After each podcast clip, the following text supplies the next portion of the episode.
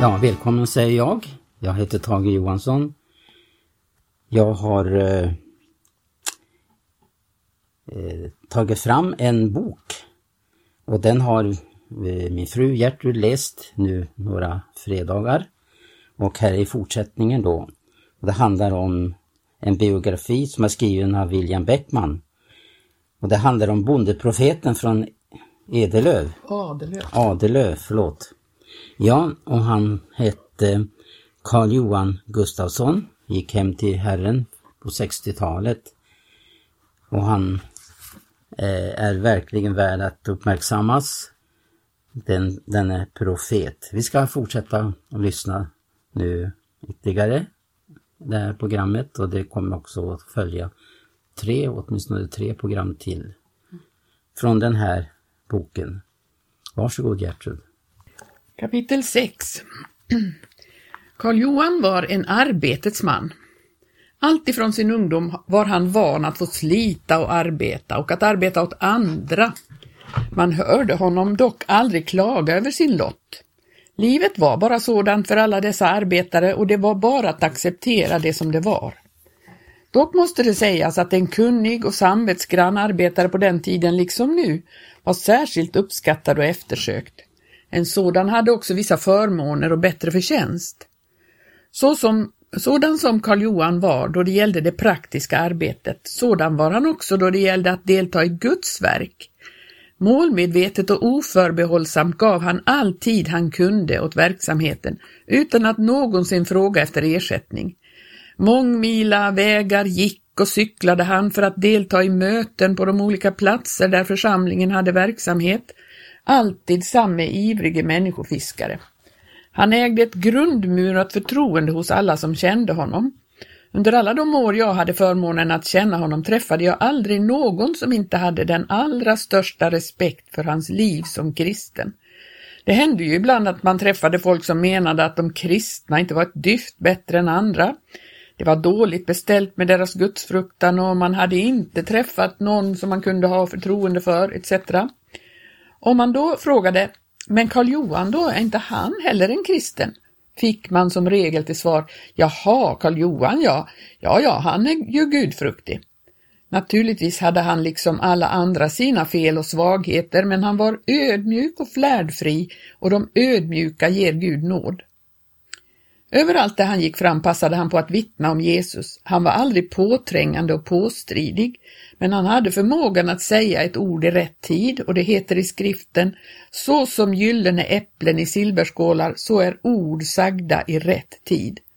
På så sätt fick han många tillfällen att tala allvarligt med sina medmänniskor om det enda nödvändiga, själens frälsning och vårt eviga väl. Efter att under många år varit torpare fick Karl Johan möjlighet att arrendera en gård som heter Lillanäs. Han hade, han hade länge bett till Gud att han skulle slippa göra dagsverken hos andra som han fått göra under hela sin tid som torpare under Adelövs gård och han såg det nu som ett underbart bönesvar då ett tillfälle yppade sig för honom att bli sin egen. Visserligen låg gården avlägset, husen var förfallna och jorden låg väl till stora delar för fäfot. Men arrendevillkoren var de allra lindrigaste tänkbara och han skulle dessutom få en del fina förmåner. Gården hade det mest förtjusande läge i ett underbart, en underbart vacker trakt. Den låg på en udde, på två sidor omfluten av vatten. I sjön fanns det gott om fisktor och i skogen var det gott om vilt. Det var en miljö som helt passade Karl Johans smak. Visserligen skulle det bli arbetsamt, men han skulle bli sin egen, få bestämma över sin tid och han kände att här skulle han kunna arbeta med verklig glädje. Och han skulle också, om han så önskade, och det önskade han av hela sitt hjärta, få ägna sig mer åt det som han kände som en brinnande kallelse, att resa ut och ha möten här och där och inte som förut nödgas svara nej på många kallelser han fick. Gården ägdes av dåvarande hovrättrådet Ribbing i Uppsala som gjorde allt för att underlätta och stödja Karl Johan när han nu gick in för stora förbättringar av såväl hus som jordbruk. Här hade nu Karl Johan med sin hustru och stora barnaskara fått ett stort fält att bearbeta och arbeta både kunde och ville han. Det dröjde inte många år förrän gården kunde ståta med en nyrenoverad stuga, ny ladugård och en fin besättning av djur. Det var en förändring som var uppenbar för alla grannarna först och främst, men också för andra, och man kunde märka hur Gud hade välsignat Karl Johan även då det gällde det yttre. Han glömde inte att prisa Gud och ge honom äran också för detta. Karl Johan satte igång med stora nyodlingar och vidgade arealen undan för undan. Han röjde bort tusentals lass med sten från ägorna och odlade upp stora mossmarker där han sedan bärgade fina skördar. Vid ett tillfälle då han var sysselsatt med odling av en stor mosse upplevde han en kuslig men samtidigt underbar händelse. Han hade brutit upp mängder av gamla rötter och hade huggit buskar och ris som han lagt upp i högar för att bränna. Det var tidigt på våren och jorden var ännu mycket våt och fuktig. En stilla morgon tyckte han att det skulle vara lämpligt att elda upp dessa högar. I marken kunde det omöjligen brinna så vått som det var och då det dessutom var kavlugnt skulle det ju absolut inte vara någon fara för skogen omkring. Sagt och gjort. Snart brann de stora rishögarna med ett väldigt knastrande och röken steg mot skyn i tjocka moln. Men helt plötsligt slog, slog vädret om och det började blåsa. Snart kom den ena hårda vindstöten efter den andra och innan han visste ordet avstod hela mossen i ljusan låga. Karl Johan och hans medhjälpare försökte med stora granviskor att släcka elden, men hur de än stod och stod i tycktes det inte hjälpa det minsta. Elden bara spred sig. Han sa åt sina pojkar att springa allt de orkade för att buda folk som kunde hjälpa till att släcka. Men då han såg upp såg han och såg hur elden spred sig, att det redan börjat brinna i ena skogskanten, blev han verkligen rädd. Elden hade fått tag i torra buskar och gammalt gräs och rätt vad det var så flög en röd tunga upp i ett av ungträdens topp, hoppade över till ett annat och ifrån till ännu ett och snart brann det i flera träd i skogskanten. Det stod klart för Karl Johan att innan pojkarna ens hunnit fram med sin begäran om hjälp skulle hela skogen brinna. Han greps av förtvivlan och i sin nöd maktlöshet började han ropa till Gud. Då var det som om någon hade talat till honom. Släckt eldens kraft hörde han inom sig. Ordet från Hebreerbrevet blev plötsligt så levande för honom där det heter att det genom tron dämpade eldens kraft. Han föll på sina knän och ropade till Gud, Herre, du som fordom dämpade eldens kraft, du har sagt att du är densamme idag. Herre, hjälp mig i denna svåra nöd. Knappast hade han slutat att bedja förrän elden liksom dog bort. Det var som om någon hällt vatten på varenda tuva och på varenda kvist som brann och på några ögonblick var allt släckt. Då grannarna så småningom kom med redskap för att släcka, då var all fara redan över.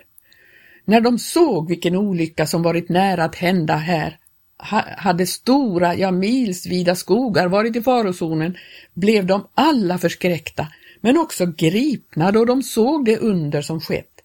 Här behövdes det ingen övertalning för att de skulle förstå att ett stort under verkligen skett. Karl Johan vittnade frimodigt om hur han ropat till Herren i sin nöd och vad som skett som svar på bön. Och det hade de ju alla sett. Åter hade han fått se ett nytt bevis på Guds trofasthet, att han är en hjälpare i all nöd och att han har makt att hjälpa och gripa in i alla förhållanden då man barnsligt litar på honom. Karl Johan och Matilda hade alltid sitt hem öppet för alla och många sökte sig gärna dit. Det var alltid så rent och pyntat i stugan och man hade en förnimmelse av att här bor Herren, här är himmelens port. Många trötta pilgrimer hade här blivit vederkvickta och mättade såväl andligt som lekamligt. Visserligen fanns det nio matfriska ungdomar att mätta förutom föräldrarna själva, men det fanns alltid en skiva till överst för främlingen och av det bröd som man delade i hemmet. Men hemmet räckte inte bara till för enstaka gäster. Ofta bjöd man in till möte och det samlades alltid fullt hus i Lillanäs. Såväl storstugan som kök och farstu packades fulla med folk. Det var alltid med en nyfiken förväntan man gick till Lillanäs på möte, för man hade alltid på känn att det skulle ske något underbart och man blev aldrig besviken. Vilka möten! Det fanns sannerligen inga döda punkter. Där samlades många saliga vänner, men också många som inte var avgjorda kristna. När så Johan i Strömmen steg upp och slog an tonen med att frambära ett underbart väldoftande spisoffer till det slaktade lammet, han som var död men som lever, då drogs alla med. Ingen kunde undgå att bli gripen av denna atmosfär av levande tro som tog sig uttryck i jublande lovsånger till Jesus. I detta hade en del unga män som förut inte hade besökt pingstmöten kommit för att, som de trodde, ha lite roligt på pingstvännernas bekostnad. Till att börja med skrattade de och hade lite skoj för sig där de stod längst ner vid dörren. Men i den mån Guds kraft uppenbarades blev de allt tystare. Så småningom öppnade de sina hjärtan och började lyssna till sången och budskapen. En av dessa ungdomar blev frälst samma kväll och en annan någon dag senare och detta möte blev för dem vändpunkten och början till ett nytt liv i Jesu gemenskap. Ibland samlades man till bönemöten och ofta bad man hela nätterna. På detta sätt fick Lillanäs tjäna som samlingsplats för längtande och frälsningssökande själar. Dessa bönemöten hade en oerhörd betydelse för Guds verk i bygden, men inte endast där utan vida omkring, till och med i andra världsdelar. Missionen var ett av de stora bönämnena. Man bar missionärer och ordets förkunnare på bönens armar. Så blev Karl Johans och Matildas hem i sanning en kraftcentral som förmedlade Guds välsignelser till stora områden. Kapitel 7 Tidigt blev Karl Johan en av de ledande i Betaniaförsamlingen. Han var av naturen en mycket försynt människa. Därtill var han tålmodig och from. Han hade det verkliga herdehjärtat och han hade stort hjärta för alla svaga och sådana som kommit på sidan av vägen. Dessutom ägde han en andlig visdom och en klar syn som var honom till stor hjälp i hans uppgift som äldste i Guds församling. Därför fick han också bli till stor välsignelse för många som var i nöd. Men kanske det ändå var hans profetiska gåva som var den största tillgången för Guds verk i församlingen. Han var en profet som ofta fick tjäna med sin gåva, såväl i hemförsamlingen som i vidare sammanhang. Då han predikade var han mycket originell. Han hade ett utpräglat bildspråk och folk som för första gången hörde honom tala hade kanske en aning svårt att följa med och få den verkliga behållningen av hans förkunnelse. Han kunde tala om lågtryck från glashavet, om att Gud inte hade färdat stormvarning utan lät pingstvinden blåsa i sin fulla kraft etc. Ta av locket på hjärtekrukan när Gud vill fylla på, annars får du gå hem ändå torrare än du var då du kom hit, brukade han säga. Vidare att en del tror att man bör ta in frälsningen droppvis, fastän det finns en ström som man kan både bada i och dricka ur. Då Karl Johan vittnade behövde man inte befara att folk satt och sov i bänkarna. Hans predikan bestod långa stycken av bibelcitat. Han var hemma i sin bibel och han älskade Guds ord. Det var alltid högsta auktoriteten i alla hans resonemang. Ofta hände det då han vittnade om Gud att han kom i profetisk hänryckning och hans budskap kunde bli oerhört genomträngande och närgångna. Vid ett tillfälle skulle han tillsammans med en annan predikant ha ett möte på en plats. Då han kom till lokalen fann han till sin förskräckelse att den andre som skulle tala inte var där han hade blivit sjuk och följaktligen måste Karl Johan ensam ta ansvar för hela mötet. Han kände sig oerhört bävande inför detta. Då han kom in i lokalen var den fullsatt med folk, de allra flesta icke-troende och bland dessa en stor skara ungdomar som kommit för att ha lite roligt. Då Karl Johan steg fram började en del av dessa ungdomar att skratta, tala högt och uppträda mycket störande.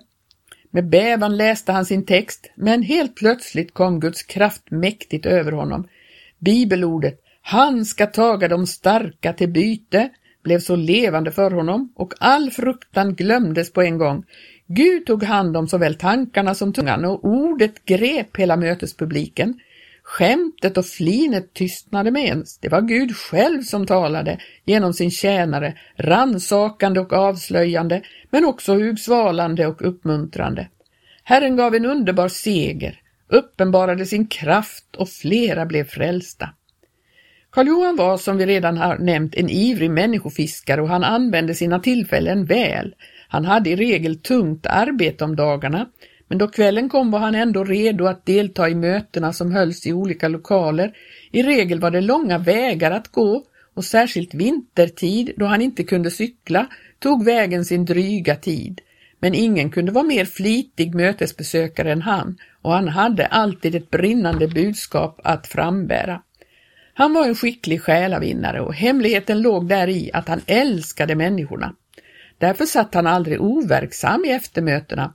Han hade en enastående förmåga att lyssna och sätta sig in i olyckliga människors situation och ingen kunde mer glödande än han tala om Jesu kärlek till syndare.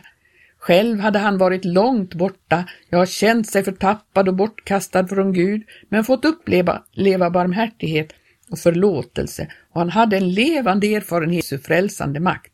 Därför kunde han också vittna för andra om de möjligheter som finns till frälsning. Vid ett tillfälle var det en stor syndare som sökte frälsning i ett möte. Karl Johan fick då frambära ett profetiskt budskap till honom. Synderna är dig förlåtna för hans namns skull. Allt det gamla är förgånget, du är fri. Mannen som var som vi nämnde en stor syndare som under hela sin ungdom levat om i dryckenskap och då Karl Johan gick hem från mötet började fienden plåga honom för det budskap han hade framburit. Det där budskapet kom nog från dig själv och inte från Gud. Nu kommer Guds verk att få sitta emellan och Guds folk får lida försmädelse. Du borde nog ha klart för dig att mannen bara drev med er. Du känner ju honom och vet hur roligt han brukar ha då han kan göra något fuffens och nu kommer han att avslöja er som skrymtare. Det här blir trevligt för er. Frestaren plågade honom svårt och han formligen vred sig och svettades då han lyssnade till den anklagande rösten. Men till sist samlade han sig och formligen röt. Tig, leder frestare, det var ju ändå Guds ord som jag talade. Det var denne genast med på. Ja, visst, svarade han, visst var det Guds ord, men det ordet kan ju inte vara tillämpligt på vem som helst. Karl Johan hade några svåra dagar innan nästa möte, då han mötte den man som de bett till Gud för förra gången.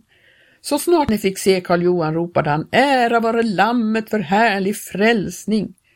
Karl Johan blev så glad att han formligen tog höga glädjesprång och det blev ett underbart jubelmöte med flera syndare vid korset den kvällen. Fienden fick respass och det lyckades honom inte längre att plåga Karl Johan och göra honom obrukbar då, så att han inte skulle våga använda sin profetiska gåva. Kapitel 8 Karl Johan levde och vandrade i anden. Varje dag var för honom en Guds uppenbarelse och han var mycket rädd för att något skulle få störa denna fulla gemenskap. Han lyssnade till vad anden hade att säga, både honom själv eller beträffande församlingen och andra människor. Men det var inte endast ting som rörde den inre kretsen som Gud anförtrodde honom. Gång på gång inregistrerade hans själs radar sådant som var dolt för samtiden men som skulle ske i framtiden. Vi har redan berättat hur han 1909 i en syn fick se hur det första världskriget kom och han fick genom budskap i anden uppenbarelse om vad synen innebar. Sommaren 1914 fick han själv uppleva krigsutbrottet och se hur sann den uppenbarelsen var som han fick genom anden år 1909. Omkring två år före andra världskriget som började på sommaren 1939 hade han en uppenbarelse syftande på kommande krig och nödvarning. Nödtider, vilka skulle komma över jorden. Då han vid ett tillfälle var i bön fick han först höra taktfasta steg av marscherande soldater Sen fick han se väldiga militära kolonner marschera förbi och han hörde en röst säga Nationerna har fyllt sina synders mått och en orygglig straffdom är beslutad och den kommer. Människorna har övergivit källan med det friska vattnet. De har vänt sig bort från mig, säger Herren. De har grävt sig brunnar som ger endast orent vatten. Endast några månader innan han fick gå hem till Gud hade han åter en mäktig märklig syn. Detta hände sommaren 1966 och han berättar själv följande. Jag var i bön för vårt svenska folk idag på morgonen då jag fick se en förfärlig syn. Först hörde jag en röst som sa Svenska folket har fyllt sina synders mått och orygglig straffdom är beslutad att komma över detta folk. Sedan såg jag en stor slätt. Där stod två officerare klädda i mörka kappor och av deras miner förstod jag att de diskuterade något mycket allvarligt. så fick jag se soldater i tiotusental. Det var oändliga kolonner som marscherade förbi mig. Hela slätten tycktes för övrigt vimla av folk. Sen såg jag en vagn som stod på något som liknade en matta och den hade fem eller sex hjul på varje sida. Fram till hade den ett långt kanonrör. Det var riktat rakt fram och bak till en annan kanon som var riktad snett uppåt. På sidorna stack det ut mindre pipor. Karl Johan undrade mycket över denna sista syn med vagnen på mattan. Han berättade om den för sin dotterson som ju genast förstod vad det var frågan om. Han tog fram en bok från sin militärtjänst och visade en bild av en stridsvagn.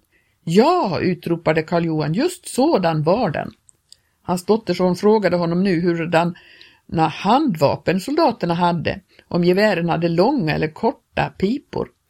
Alla hade vapen med korta pipor, en del mycket korta, svarade Karl Johan. Han hade aldrig i sitt liv sett en stridsvagn, men den heliga ande visade honom precis hur en sån såg ut. Lite senare fick Karl Johan åter frambära ett mycket allvarligt budskap till det svenska folket. Budskapet som frambars som profetia lydde Min tillkommelse är nära, säger Herren, men över denna nation, detta folk som inte vill lyssna till min kallelse, är orygglig straffdom beslutad och den kommer. Men det som åkallar mig och söker sin tillflykt hos mig och håller fast vid min frälsning, dem ska jag rädda och hjälpa, säger Herren. I alla dessa budskap talas om nationernas synder och om att straffet kommer.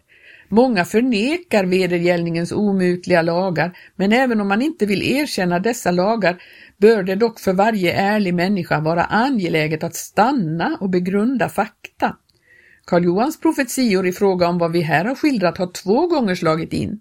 Ingenting är säkrare än att den tredje också kommer att gå i uppfyllelse. Men Herren varnar oss därför att han vill rädda oss och han manar oss att söka räddningen och frälsningen hos honom medan det ännu är tid. Då det en kväll hade varit bönemöte i Karl Johans hem upplevde hela familjen en underbar händelse.